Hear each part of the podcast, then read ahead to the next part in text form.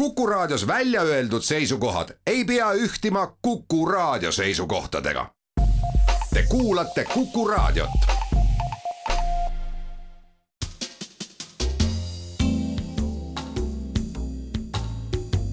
tarkade klubi tere päevast, head Kuku raadio kuulajad, mina olen Hannes Rumm ja juhin täna taas saadet Tarkade klubi, sest Timo Tarve on oma mikrofoni ja kaameraga jätkuvalt Pekingis olümpiamängudel. Oleme siis eetris täna, üheksateistkümnendal veebruaril ja kolmkümmend viis aastat tagasi oli see märkimisväärne päev Eesti NSV ajaloos, sest oma Eesti visiiti alustas tolle hetke üks maailma kõige tuntuim ja populaarsem poliitik, NLKP Keskkomitee peasekretär Mihhail Gorbatšov. ilma igasuguse naljata, kaheksakümne seitsmendal aastal oli ta maailmas väga tuntud ja paljud eri rahvaste inimesed ka väga armastasid teda. Eestis hurmas ta eestlasi oma kauni ja maitseka esimese leedi Raissaga, kui meenutada või, või ka tulevikku mõelda, siis ega pärast Raissa Gorbatšovat polegi ühtegi esimest leedit Venemaal olnud, sest nii Jeltsin kui Putin kui Medvedjev on oma naisi pigem peitnud kui uhkelt esitlenud. aga Raissa Gorbatšova juurest on hea meel üle minna tänaste saatekülaliste juurde, kellest ka enamus on naised. ja Tartu tiimis astuvad täna üles Anna-Linda Tomp, tere Anna! tere! Anna on juba tulnud Tartu meistriks üksikmälumängus ja töötab Haridus- ja Teadusministeeriumis rahvusvahelise koostöö nõunikuna. ja Anna-Linda tänane raske ülesanne on siis tõestada kõigile skeptilistele lapsevanematele ja õpetajatele, et Haridusministeeriumis ei töötagi rumalad inimesed. selles ülesandes aitab Anna-Lindat tuntud mälumängur Tiit Naarits, Jõgeva gümnaasiumi õpetaja, telemälumängu Kuldvillak küsimuste autor ja ise kümneid Eesti meistritiitleid võistnud mees, tere Tiit! tere! Ja nii auväärse Tartu tiimiga lähevad Tallinnas vastamisi Eesti kõige tuntum tohter pärast doktor Google'it, Karmen Joller, tere Karmen! tere!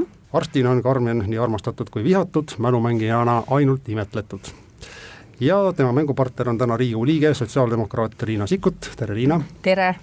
Riina tegelikult pidi juba eelmises saates üles astuma, aga siis lõi Covid ta rivist välja, nii et äh, täna saab Riina siis näidata, kas sunnitud kodus olemise aeg on tulnud mälumängurina talle kahjuks või kasuks.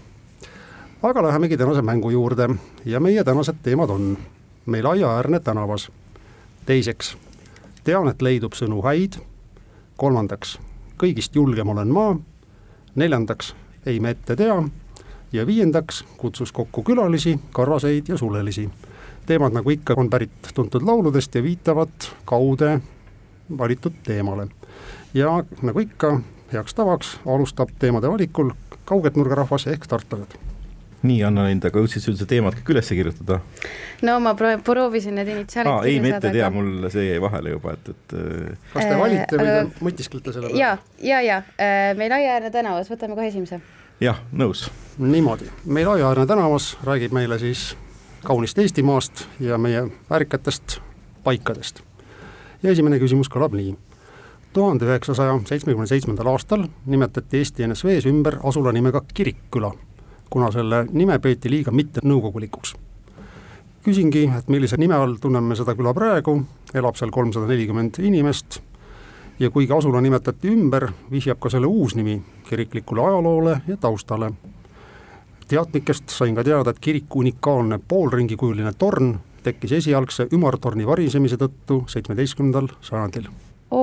Mul on kohe hea pakkumine.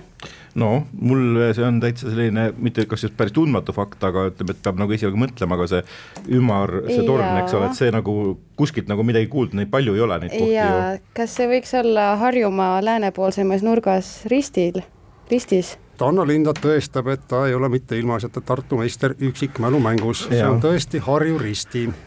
kummalisel kombel siis nimetati Kirikküla ümber, aga pandi talle nimeks Harju Risti. Kuigi Eesti asulatest siis ainsana, neist Eesti asulatest, mis risti nime kannavad, ei asu seal ühtegi teeristi, vaid see rist viitabki ainult kirikule, nii et võib arvata, et keegi siis Eesti NSV-s ka avaldas kurjad kommunistid üle. Tartu sai punkti ja asus juhtima üks-null, palun, järgmise teema valib Tallinn mis teema me võtame siis? võtame see, mille Tiit soovis võtta, ei me ette tea. ma mõtlesin ka, et see on kõige huvitavam no,. ma ei tahtnud seda võtta, mul ei olnud, mul ei olnud meeles lihtsalt see teema esimese loksuga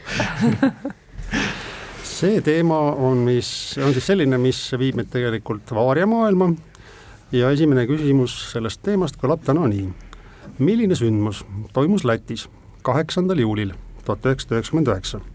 Leedus kaheteistkümnendal juulil kaks tuhat üheksa ja Eestis alles kümnendal oktoobril kaks tuhat kuusteist. muid vihjeid ei ole? see on kõik lühike selge küsimus, kolm kuupäeva lähiajaloost ja sellest peaks teile piisama. No tõesti, ei teagi, kust pihta hakata. ei tea tõesti, no nii, kõigepealt on tuhat üheksasada üheksakümmend üheksa oli ta Lätis ja see oli suvel. ma, aga ma mõtlen, kas, kas mingisugune otsus või riigis jõuti mingi tasemeni, noh mi, mm, -hmm. Et see oli sündmus. jah, mida, midagi juhtus. äkki see oli Rock Summer või midagi sellist, no ma tean, Rock Summer oli ikkagi Eestis veidi varem kui kaks tuhat kuusteist ja selleks ajaks ta oli läbi, aga noh, ma mõtlen, et äkki see oli hoopis mingisugune äge üritus. ja, või keegi käis külas.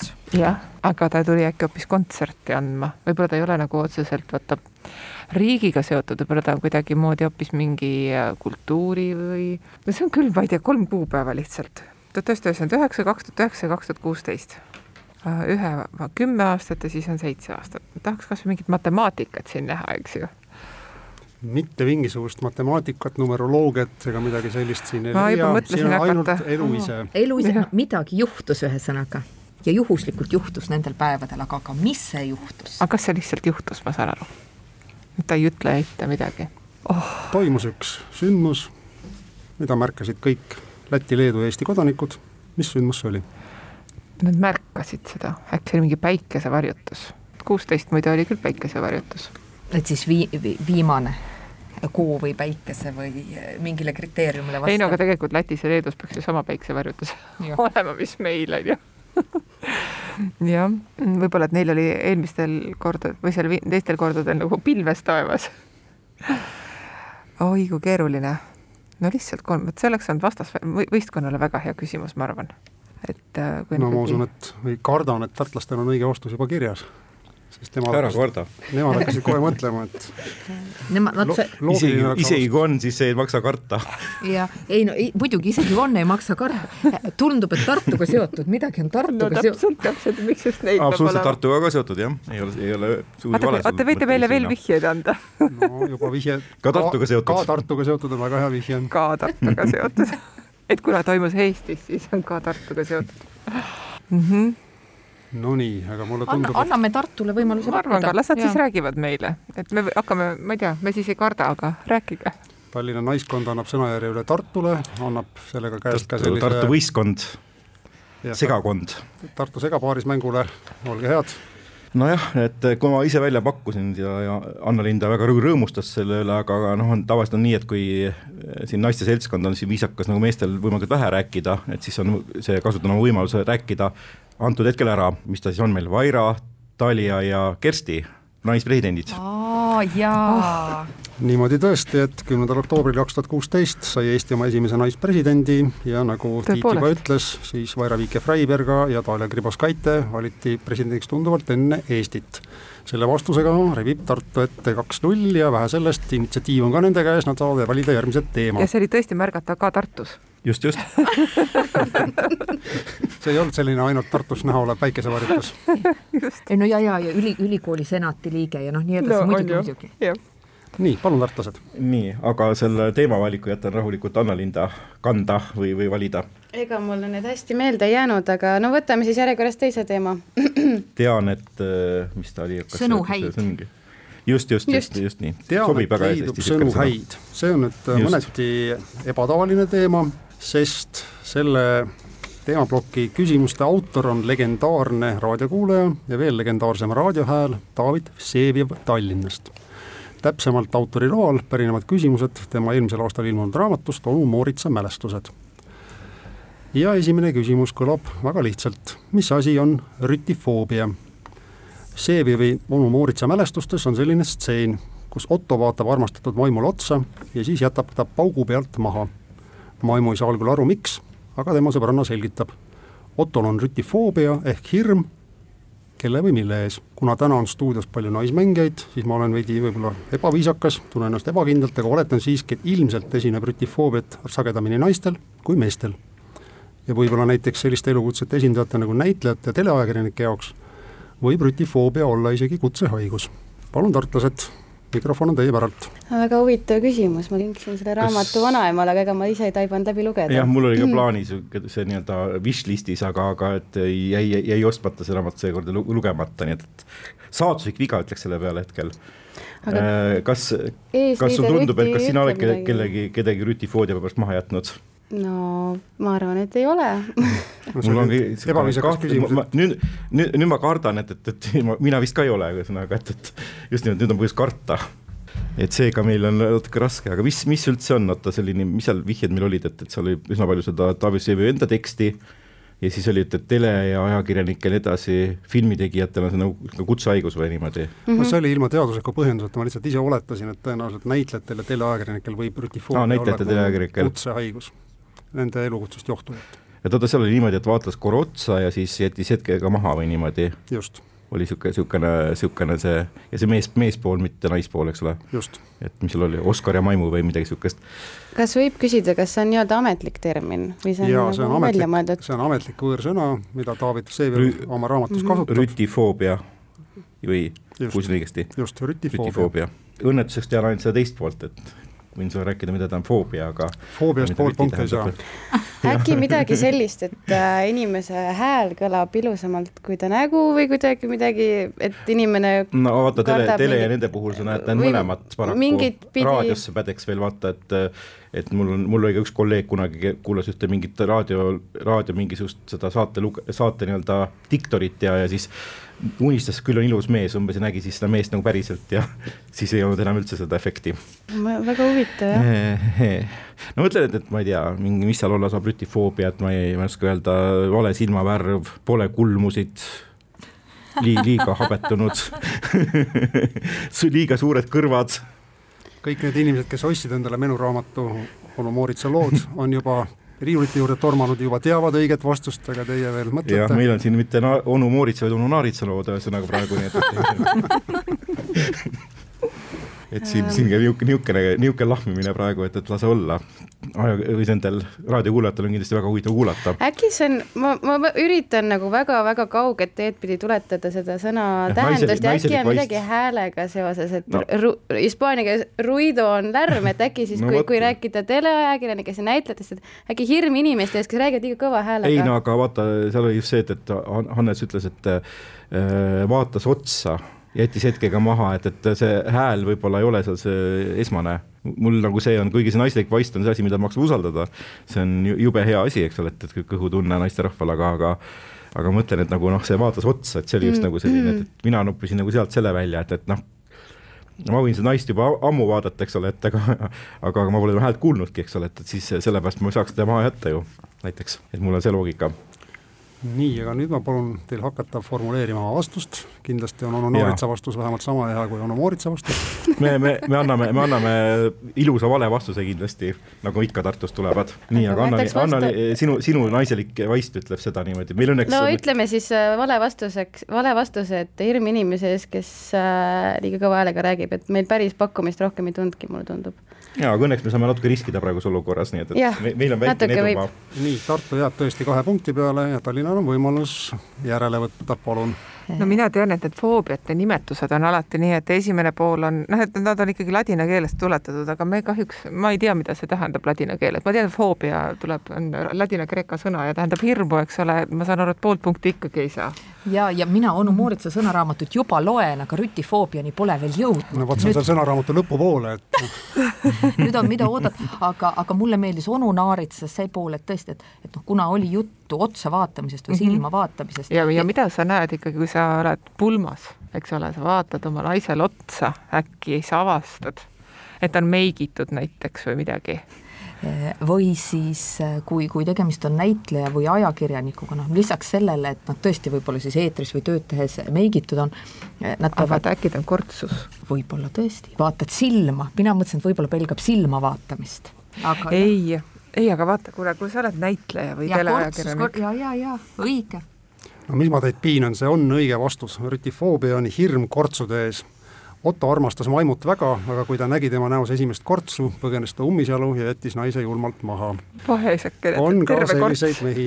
ei saagi Sarpei koera endale võtta, eks ole. ja Tallinn, Tallinn võtab natukese järele, seis on kaks-üks Tartu kasuks ja Tallinn saab kohe ka valida järgmise teema. ütle sina äh, kuule, sina oled kõigist no, julgem. jaa, see kõigest julgem mm -hmm. olen ma niimoodi, meil on käimas Pekingi olümpiamängud ja üks kõige kuulsamaid ja kõige julgemaid naisi seal on freestyle suusataja hiinlanna Eileen Gu, kes on küll sündinud Ameerikas ja tema on sellist, pärit sellisest perekonnast, mille keskne kuju on jõuline ja tahtekindel vanaema Feng. proua Feng on kaheksakümne kuue aastane, aga sörgib siiamaani igal päeval ühe miili ja kui Helen hakkas lapsena suuskadel hulljulgeid trikke tegema veel enne kooli minekut, siis ema kartis väga plikatirtsu tervise pärast, aga vanaema ütles, pole midagi, pane edasi. ja õpetas tüdrukule midagi, mis jäi talle eluks ajaks meelde. ta ütles tüdrukule, ära karda elus mitte midagi peale ühe asja ja Eestis see küsitav asi seostub eelkõige maletaja Paul Keresega, üldse mitte suusatamisega oh, ma, mina väga lootsin, et Timo läks Pekingisse ja võttis kaasa ka kõik olümpiateemalised küsimused. ja aga..., ja mina lootsin, et küsimus tuleb Kelly Sildaru kohta ja küsitakse, mis alaga ta tegeleb näiteks. aga pa-, Paul Kerese puhul e, noh, esimene fakt, mida teatakse, on üldse see, et igavene teine Mm -hmm. nii et mhm. võib-olla siis teiseks jäämist va, vanaema karda kaotust või karda teiseks jäämist või, või mm -hmm. seda, et keegi on sinust parem või vaata ka Paul Kerest tegelikult vist ka sunniti jääma teiseks. nojah, aga võib-olla tõesti siis lihtsalt kaota ka,, karda kaotust äkki või, või teiseks jäämist. või seda, et keegi on sinust parem no ma ei tea, see oleks nii julm oma lapsele nii öelda, aga ega teistmoodi neid olümpiavõitjaid vist ei, ei vormita. no aga palume kaotust. jah, kaotust või igaveseks teiseks jäämist.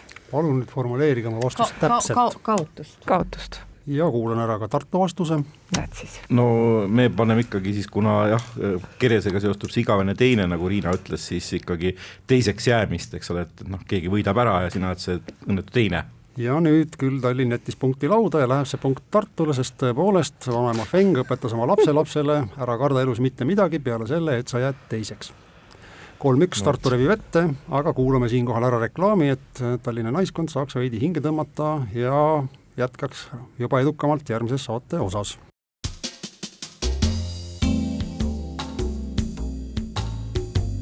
tarkade klubi. Tere tulemast tagasi Tarkade klubisse, head Kuku raadio kuulajad, mina olen tänane saatejuht Hannes Rumm ja mul on siin täna stuudios kaks väärikat võistkonda, Tallinna naiskond koosseisus Karmen Joller ja Riina Sikkut ning Tartu segavõistkond koosseisus Anna-Linda Tomp ja Tiit Naarits tartlased on ette rebinud kolm-üks ja kohe on neil võimalus oma eduseisu ka suurendada, sest initsiatiiv on jällegi nende käes ja jälle valivad nemad järgmise teema. jah, et see momentum on nagu meie käes, nagu öeldakse spordimaailmas. no tegelikult on siin ju nelja eelmise küsimusega ära valitud üks küsimus igast teemast, aga see kutsus kokku külalisi on veel valimata, et äh, proovime seda. niimoodi ja kutsus kokku külalisi, karvaseid kuid mitte sulelisi, sest täna on meil teemad mitte lindude, vaid loomade maailmast. ja küsimus esimene on siis selline, maailma ajaloos on kaks täiesti ainulaadset looma, kass Trent ja koer Titina. esimesena sai tänu oma imelisele pääsemisele tuhande üheksasaja kümnendal aastal kuulsaks kass. Fox Terrier Titina sai maailmakuulsaks pärast veel uskumatumat pääsemist tuhande üheksasaja kahekümne kaheksandal aastal. milline õnnetus õnnestus neil loomadel koos meeskonnaga üle elada. tänapäeval sellisesse õnnetusse sattumine oleks juba väga ebatõenäoline nii inimeste kui loomade jaoks, palun mm. -hmm. no ei, need ei ole väga tuntud, tuntud nimed minu, ei minu jaoks ega nii edasi ja ei ole ka need aastaarvud sellised, kus oleks mingisugune noh, mingi meeletu, meeletu selline katastroof juhtunud tol samal aastal, eks ole noh, näiteks see, et tuhat üheksasada kümme, eks ole, tuhat üheksasada kaksteist, siis oleks kohe see ahaa, eks ole, et vaata, et üks laev läks põhja, eks ole. aga laevaõnnetuse võib koer või kass sattuda ka tänapäeval, ega siis see ei ole midagi välistatud. aga äh, Anna-Linda, ma mõtlen, et üks, üks niisugune tore transpordivahend äh, siiski on, millesse on tänapäeval väga raske sattuda, see on dirižaabli õnnetus näiteks see on, ma arvan, päris hea pakkumine, ma ei oleks selle peale ise tulnudki, ma mõtlesin lihtsalt... Concordile, aga tuhat üheksasada kümme seda veel vist siis ei olnud, aga. ei, Concord oli ikka jah, niisugune teise maailmasõja järgne. ja, ja, ja muidugi, et mul jäi see kaheksakümmend üheksa kõrva, aga tuhat üheksasada kümme. et aga jah, et, et noh, oletame, et seal Hindenburgi peal, mis oli kõige kuulsam tiirisaabel, mis õhku lendas, selle peal koeri-kasse ei olnud tol hetkel et, et võib, võib-olla siis see näiteks, et, et ma ei, ma ei oska muid öelda, sellepärast et noh, ma ei tea, kui pakume lennuõnnetus või mm, -hmm. või, või laevaõnnetus, mis tänapäeval võib, võib väga vabalt juhtuda õnnetus, kus on ka koeri ja kasse seal pardal, eks ole. ja seetõttu, seetõttu rihiks dirižaabli peale, et äkki see on niisugune piisavalt nii-öelda nagu öeldakse, vintaaž või, või niisugune asi et tänapäeval niisugust asja ei juhtu. niimoodi, Tiit, ja tõesti ta nii on, et äh, kass Trent ja koer Titina kukkusid alla tirisaabli peal kassiga juhtus siis selline lugu, et ta proovis koos viie ameeriklasega ületada Atlandi ookeani, nad läbisid tuhat miili, aga siis tulid alla ja kuid kõik päästeti edukalt. Ja kui sa ütlesid, et tuhat üheksasada kakskümmend kaheksa suuri katastroofe ei olnud, siiski sellel aastal oli üks väga dramaatiline ülemaailmset tähelepanu pälvinud sündmus, nimelt siis Itaalia polaaruurija Umberto Nobile lendas tirisaabliga põhjapoolusele ja kui ta tagasi tuli, siis kukkus dirižaabel alla, mitu inimest said surma, aga vaat see koer Titina jäi ellu ja nii kass kui koer olid pärast sellised ajalehtede esikülje kangelased veel väga pikka aega. aga Tartu on täna tõesti heas vormis, läheb ette neli-üks ja Tallinn saab valida teema. no mis me võtame?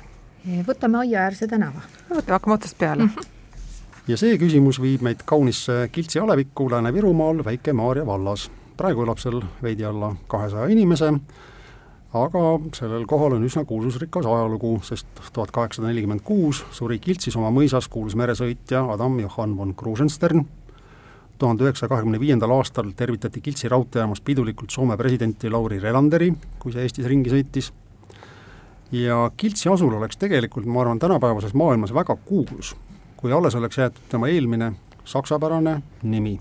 see nimi oli kolmetäheline ingliskeelses maailmas mõjuks see nimi väga naljakalt ja möllaks, oleks kindlasti, leviks viraalselt kindlasti internetimaailmas ja sotsiaalmeedia platvormidel. et teile vastamist veel keerulisemaks teha, ütlen, et eesti keeles tähendas kiltsi või tähendab kiltsi endine nimi ühe olulise töövahendi detaili, mida võidi valmistada nii rauast kui ka puidust.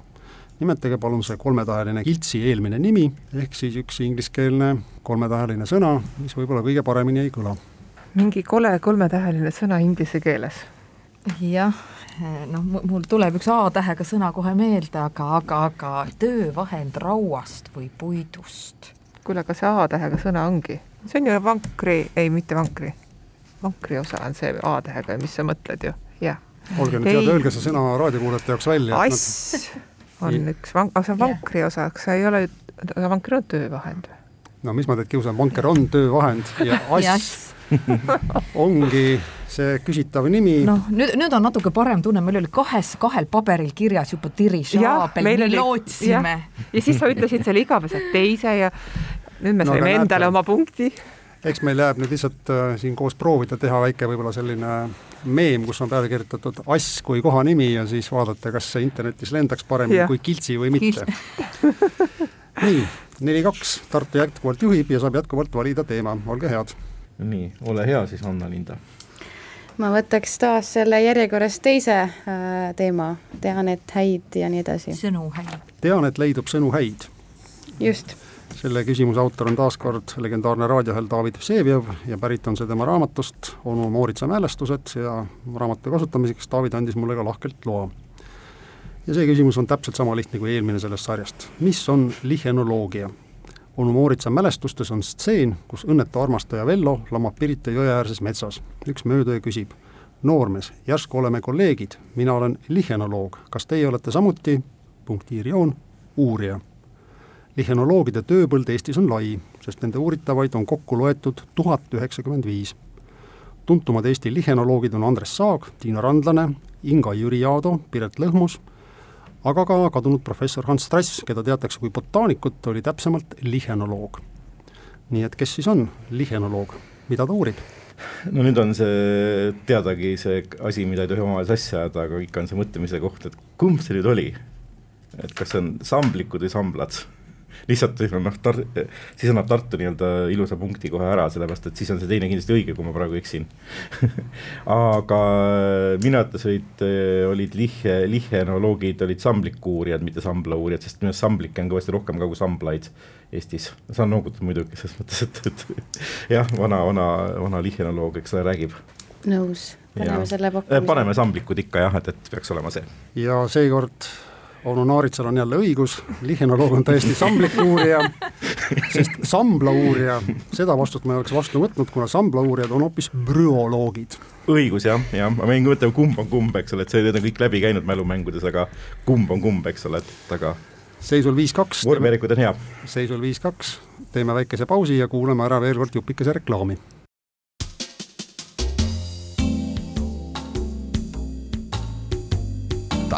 tarkade klubi. tere taas siit Kuku raadio Tarkade klubist, head kuulajad, minu nimi on Hannes Rumm. jätkame tänast matši Tallinn-Tartu, kus äh, Tartut esindavad Tiit Naarits ja Anna-Linna Tamp ning Tallinnat Karmen Joller ja Riina Sikkut. saate kahe esimese kolmandikuga on Tartu ette rebinud viis-kaks, aga tallinlastel on veel vähemalt viigilootus ja alustamegi siis niimoodi või jätkamegi niimoodi, et Tallinn valib järgmise teema võtame loogilises järjekorras, kõigist julgeme. jah, nagu me oleme, jah. ja see küsimus kõlab niimoodi. kui ameeriklanna Gertrude Ederle jõudis kuuendal augustil tuhande üheksasaja kahekümne kuuendal aastal Kingstowni külla Inglismaal, võttis teda esimesena vastu tolliametnik, kes kontrollis tema passi. sellisest rangest vastuvõtust hoolimata tegi Kingstowni jõudmine Gertrude päevapealt maailmakuulsaks päris tundmatu polnud ta ka senimaani, sest ta oli kahekümne ühe aastaselt võitnud eelmistel olümpiamängudel ühe kulla ja kaks pronksi, aga just see kuues august tuhat üheksasada kakskümmend kuus ja see saavutus, millega ta tol päeval hakkama sai, tegi ta maailmakuulsaks ja kui ta kodumaal Ameerikas naases, siis New Yorgi tänavatel tervitasid teda sajad tuhanded vaimustunud kaasmaalased. mida siis Gertrude tegi? äkki ta seilas üle, üle Atlandi millegagi? Ujus ma... või või, või sõitis pu purjetas või purjetas või midagi. üksi esimese, no midagi esimese naisena või kuidagipidi jah. et äh, või miks esimese naisena võib-olla üldse, no ma ei tea, muidugi seal need vanad ei, see ei pidanud midagi erakordset, ses mõttes, et ju väga-väga tuhandeid käinud... aastaid tagasi juba sõideti, eks ole, mingite purjekate või parvedega. no ta ometi ju ujunud üle ju. ei, ei, ei aga, aga ta ei ole ju jääkaru. ma arvan, et siin on nii nagu selle kaotuse ja, ja, ja teise, teiseks jäämisega, et siin tuleb nüüd vastuses täpne olla. tuleb olla täpne. ühesõnaga, ta ületas Atlandi, on üks meie teooria, et ja. ta läks USA-st Inglismaale. jaa. ja, ja ta tõenäoliselt, tõenäoliselt ei, täitsa tummaks võtab. jah ja see, et sada, sajad tuhanded tervitasid, et see pidi ikkagi tähtis olema tol ajal. oota, mis aasta oli, tuhat üheksasada kakskümmend kuus? kakskümmend kuus. et ta tehti tolli, seesamunegi mingit, miks ta tollis pidi läbi käima? ei, ei, passi kontrolliti. nojah, et ta oli ikkagi turist aga jah, aga ta sai tõestada siis oma kodakondsust või midagi või luba maale pääsuks või ma ei tea. või ta tegi kuidagi midagi miks see kuupäev tähtis on? no kuna te olete veidi maha jäänud, siis ma ütlen teile, et ta tegi midagi esimese naisena maailmas. ikkagi naisena maailmas? ja see vaimustas naisi kogu maailmas, et mm -hmm. ka meie sookaaslane suudab midagi sarnast teha. kandis pükse tegelikult pükste mood tuli varem. no reisis üksi ilma, ilma igasuguste meessugulasteta seda tehti juba varem mm. -hmm. tartlased kindlasti juba teavad, esimese naisena. ei tea, oletame mm -hmm. võime nii palju julgustada teid. et te vähemalt, et vähemalt teiegi nagu kõhklete, et seda on hea teada, et teie kõhklete. kui ei kõhkle, siis vähemalt kahtleme. -hmm. no ma ei tea, mis me pakume? jah, pakume midagi ära, anname tartlastele. võimaluse ja., jah. aga päris noh, pakume midagi ära. jaa aga ta oli esimene naine. no autosõit oli tollal väga, ei, see oli ka varasemalt juba naised sõitsid autoga. aga kus see Kingstown on? Selles mõttes, et see, et ta oli Ameerikast pärit, võib-olla me hakkasime eeldama, et ta tuli sealt, aga võib-olla ta tuli hoopis kuskilt mujalt lähemalt, näiteks nagu ületas La Manche'i väina või, või tuli Prantsusmaalt või kuskilt mujalt. ta võis ka lennata, ta võis ujuda mm. -hmm. ma, ma lihtsalt esimese hooga, kuna öeldi USA, siis mõtlesin, et äkki tuli üle Atlandi? pakume La Manche'i väina. ja ta ujus selle. Ta oli ju olümpiasportlane. ületas ujudes esimese naisena La Manche'i väina. pakume selle. no see vastus tuli nüüd küll üsna õnnetult ja ebalevalt, aga nii imelik kui see ka ei ole, see on õige vastus suurepärane. lihtsalt inglased, neile, inglased neile omase korralikkusega, siis kui see daam tuli ujumistrikoos veest välja, kõigepealt küsiti temalt passi, passi sai ta näidata ainult tänu sellele, et temaga kaasas sõitis siis paadis tema isa, kes ulatas passi ja alles siis algasid pidustused. et muidu oleks pidanud tagasi ujuma, jah? muidu oleks pidanud tagasi ujuma, et seda tõesti. nii et äh, Tallinn vähendab vahet viis-kolm ja Tartu valib järgmise teema. nii emb-kumb siis, vaata see oli loomade küsimus, oli see kutsus kokku külalisi, eks ole? just. Kar-, karvaseid, kutsu, võtame siis selle külaliste küsimuse. niimoodi, ja see on üsna tänapäevane küsimus, sest äh, hiljuti avaldas Keskkonnaagentuuri ulukite peaspetsialist Peep Männil koos ühe Toulouse'i ülikooli teadlasega rahvusvahelises teadusajakirjas Mammal Research ülevaate artikli ühest Eesti loomast Need loomad asustavad Eestis peamiselt rannikualade rohumaid, põõsastikke, roostikke ja kultuurmaastikke, kuhu hunte satub harva. Nende loomade territoriaalseid gruppe loeti kahe tuhande kahekümnendal aastal kokku kakskümmend seitse. enim on neid jahiulukeid kütitud kahe tuhande kaheksateistkümnendal aastal kokku seitsekümmend kuus looma. kellest on jutt, kellest siis Peep Männil rahvusvahelises teadusajakirjas uurimise kirjutas. Peep Männil ongi ise hundiuurija mm, -hmm. ma olen teda kuskil siin näinud rääkimas ja nii edasi. ja minu esimene mõte viis sinnapoole, et, et äh, need tegelased, kes seal ranniku ääres kõvasti tegu-, tegelevad ja nii edasi tegutsevad, on meil šaakalid mm. Ja hundi, hundile nad on kõvad konkurendid, äh, sest noh, siin ei ole mõtet pakkuda ei mäkra, ei rebast ega, sest et noh, need on liiga, liiga omamaised ja noh, neid eeldada, et, et räägi, et Hannes on teinud niisuguse pühendusküsimuse otse mulle et siis ka see, see ei klapi kuigivõrd, eks ole, et, et aga sa ära alahinda mind, ma, ma, hiljuti just küsisin e Riina Sikkutilt Kuku raadio mälumängus küsimuse, milles sisaldus sõna Sikkut, nii et äh, jah, aga ma see, seekord eeldan, et, et no lihtsalt see no, mälumängus naaritsa küsimine, küsimine on niivõrd niisugune pika habemega nali juba, et, et, et võib-olla, võib-olla jätaks seekord vahele. me, me arvame ka, et Tartu pakkumine on õige, et mhm. jah. et Šaakal, Šaakal võiks olla see tegelane. Naarits vastab Šaakal ja vastab õigesti tõepoolest, šaakalit loeti siis viieteistkümnenda aastani Eestis võõrliigiks, aga sealt edasi on ta juba arvestatud looduslikult immigreerunud uueks liigiks ja on arvestatud ka siis jahiulukite nimis, nimestikku. nii et Tartu jätkab suurepärases hoos, seis on kuus-kolm ja ta-, ja Tallinn lõpetab mängu. ei Niima..., me ette tea. jah, me valime selle viimase küsimuse, mis on jäänud esitamata.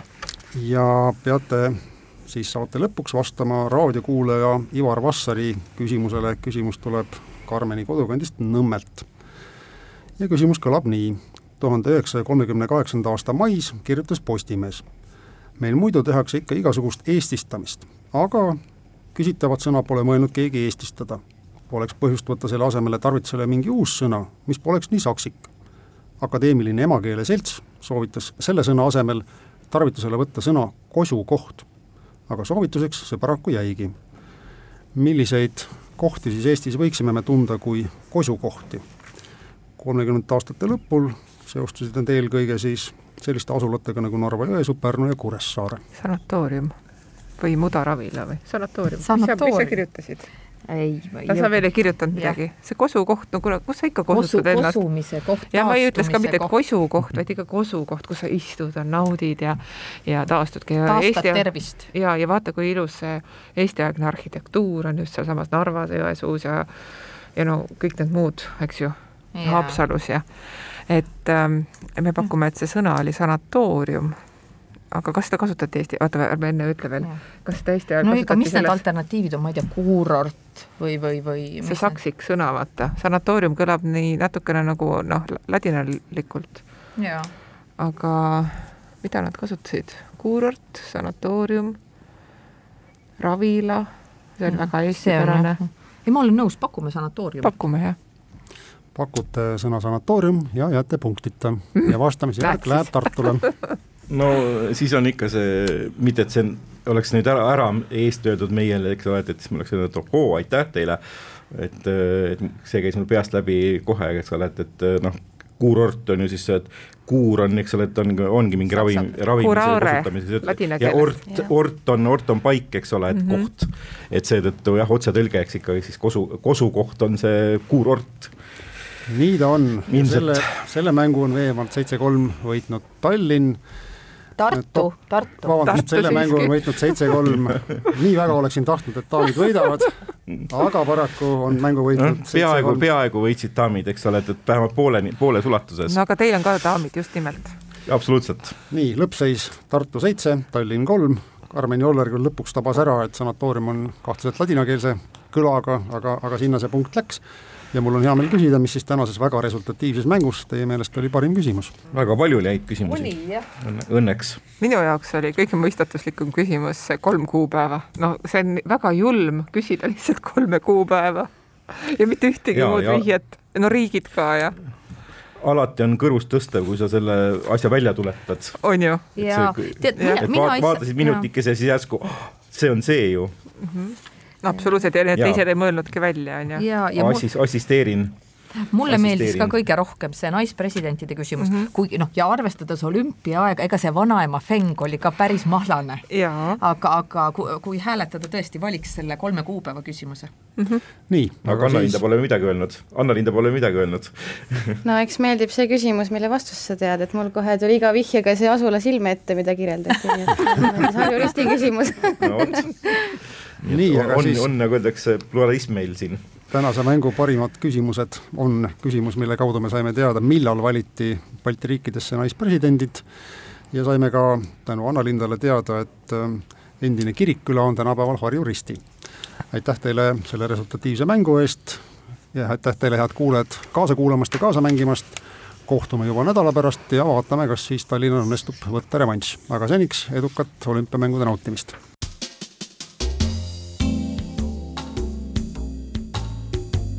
tarkade klubi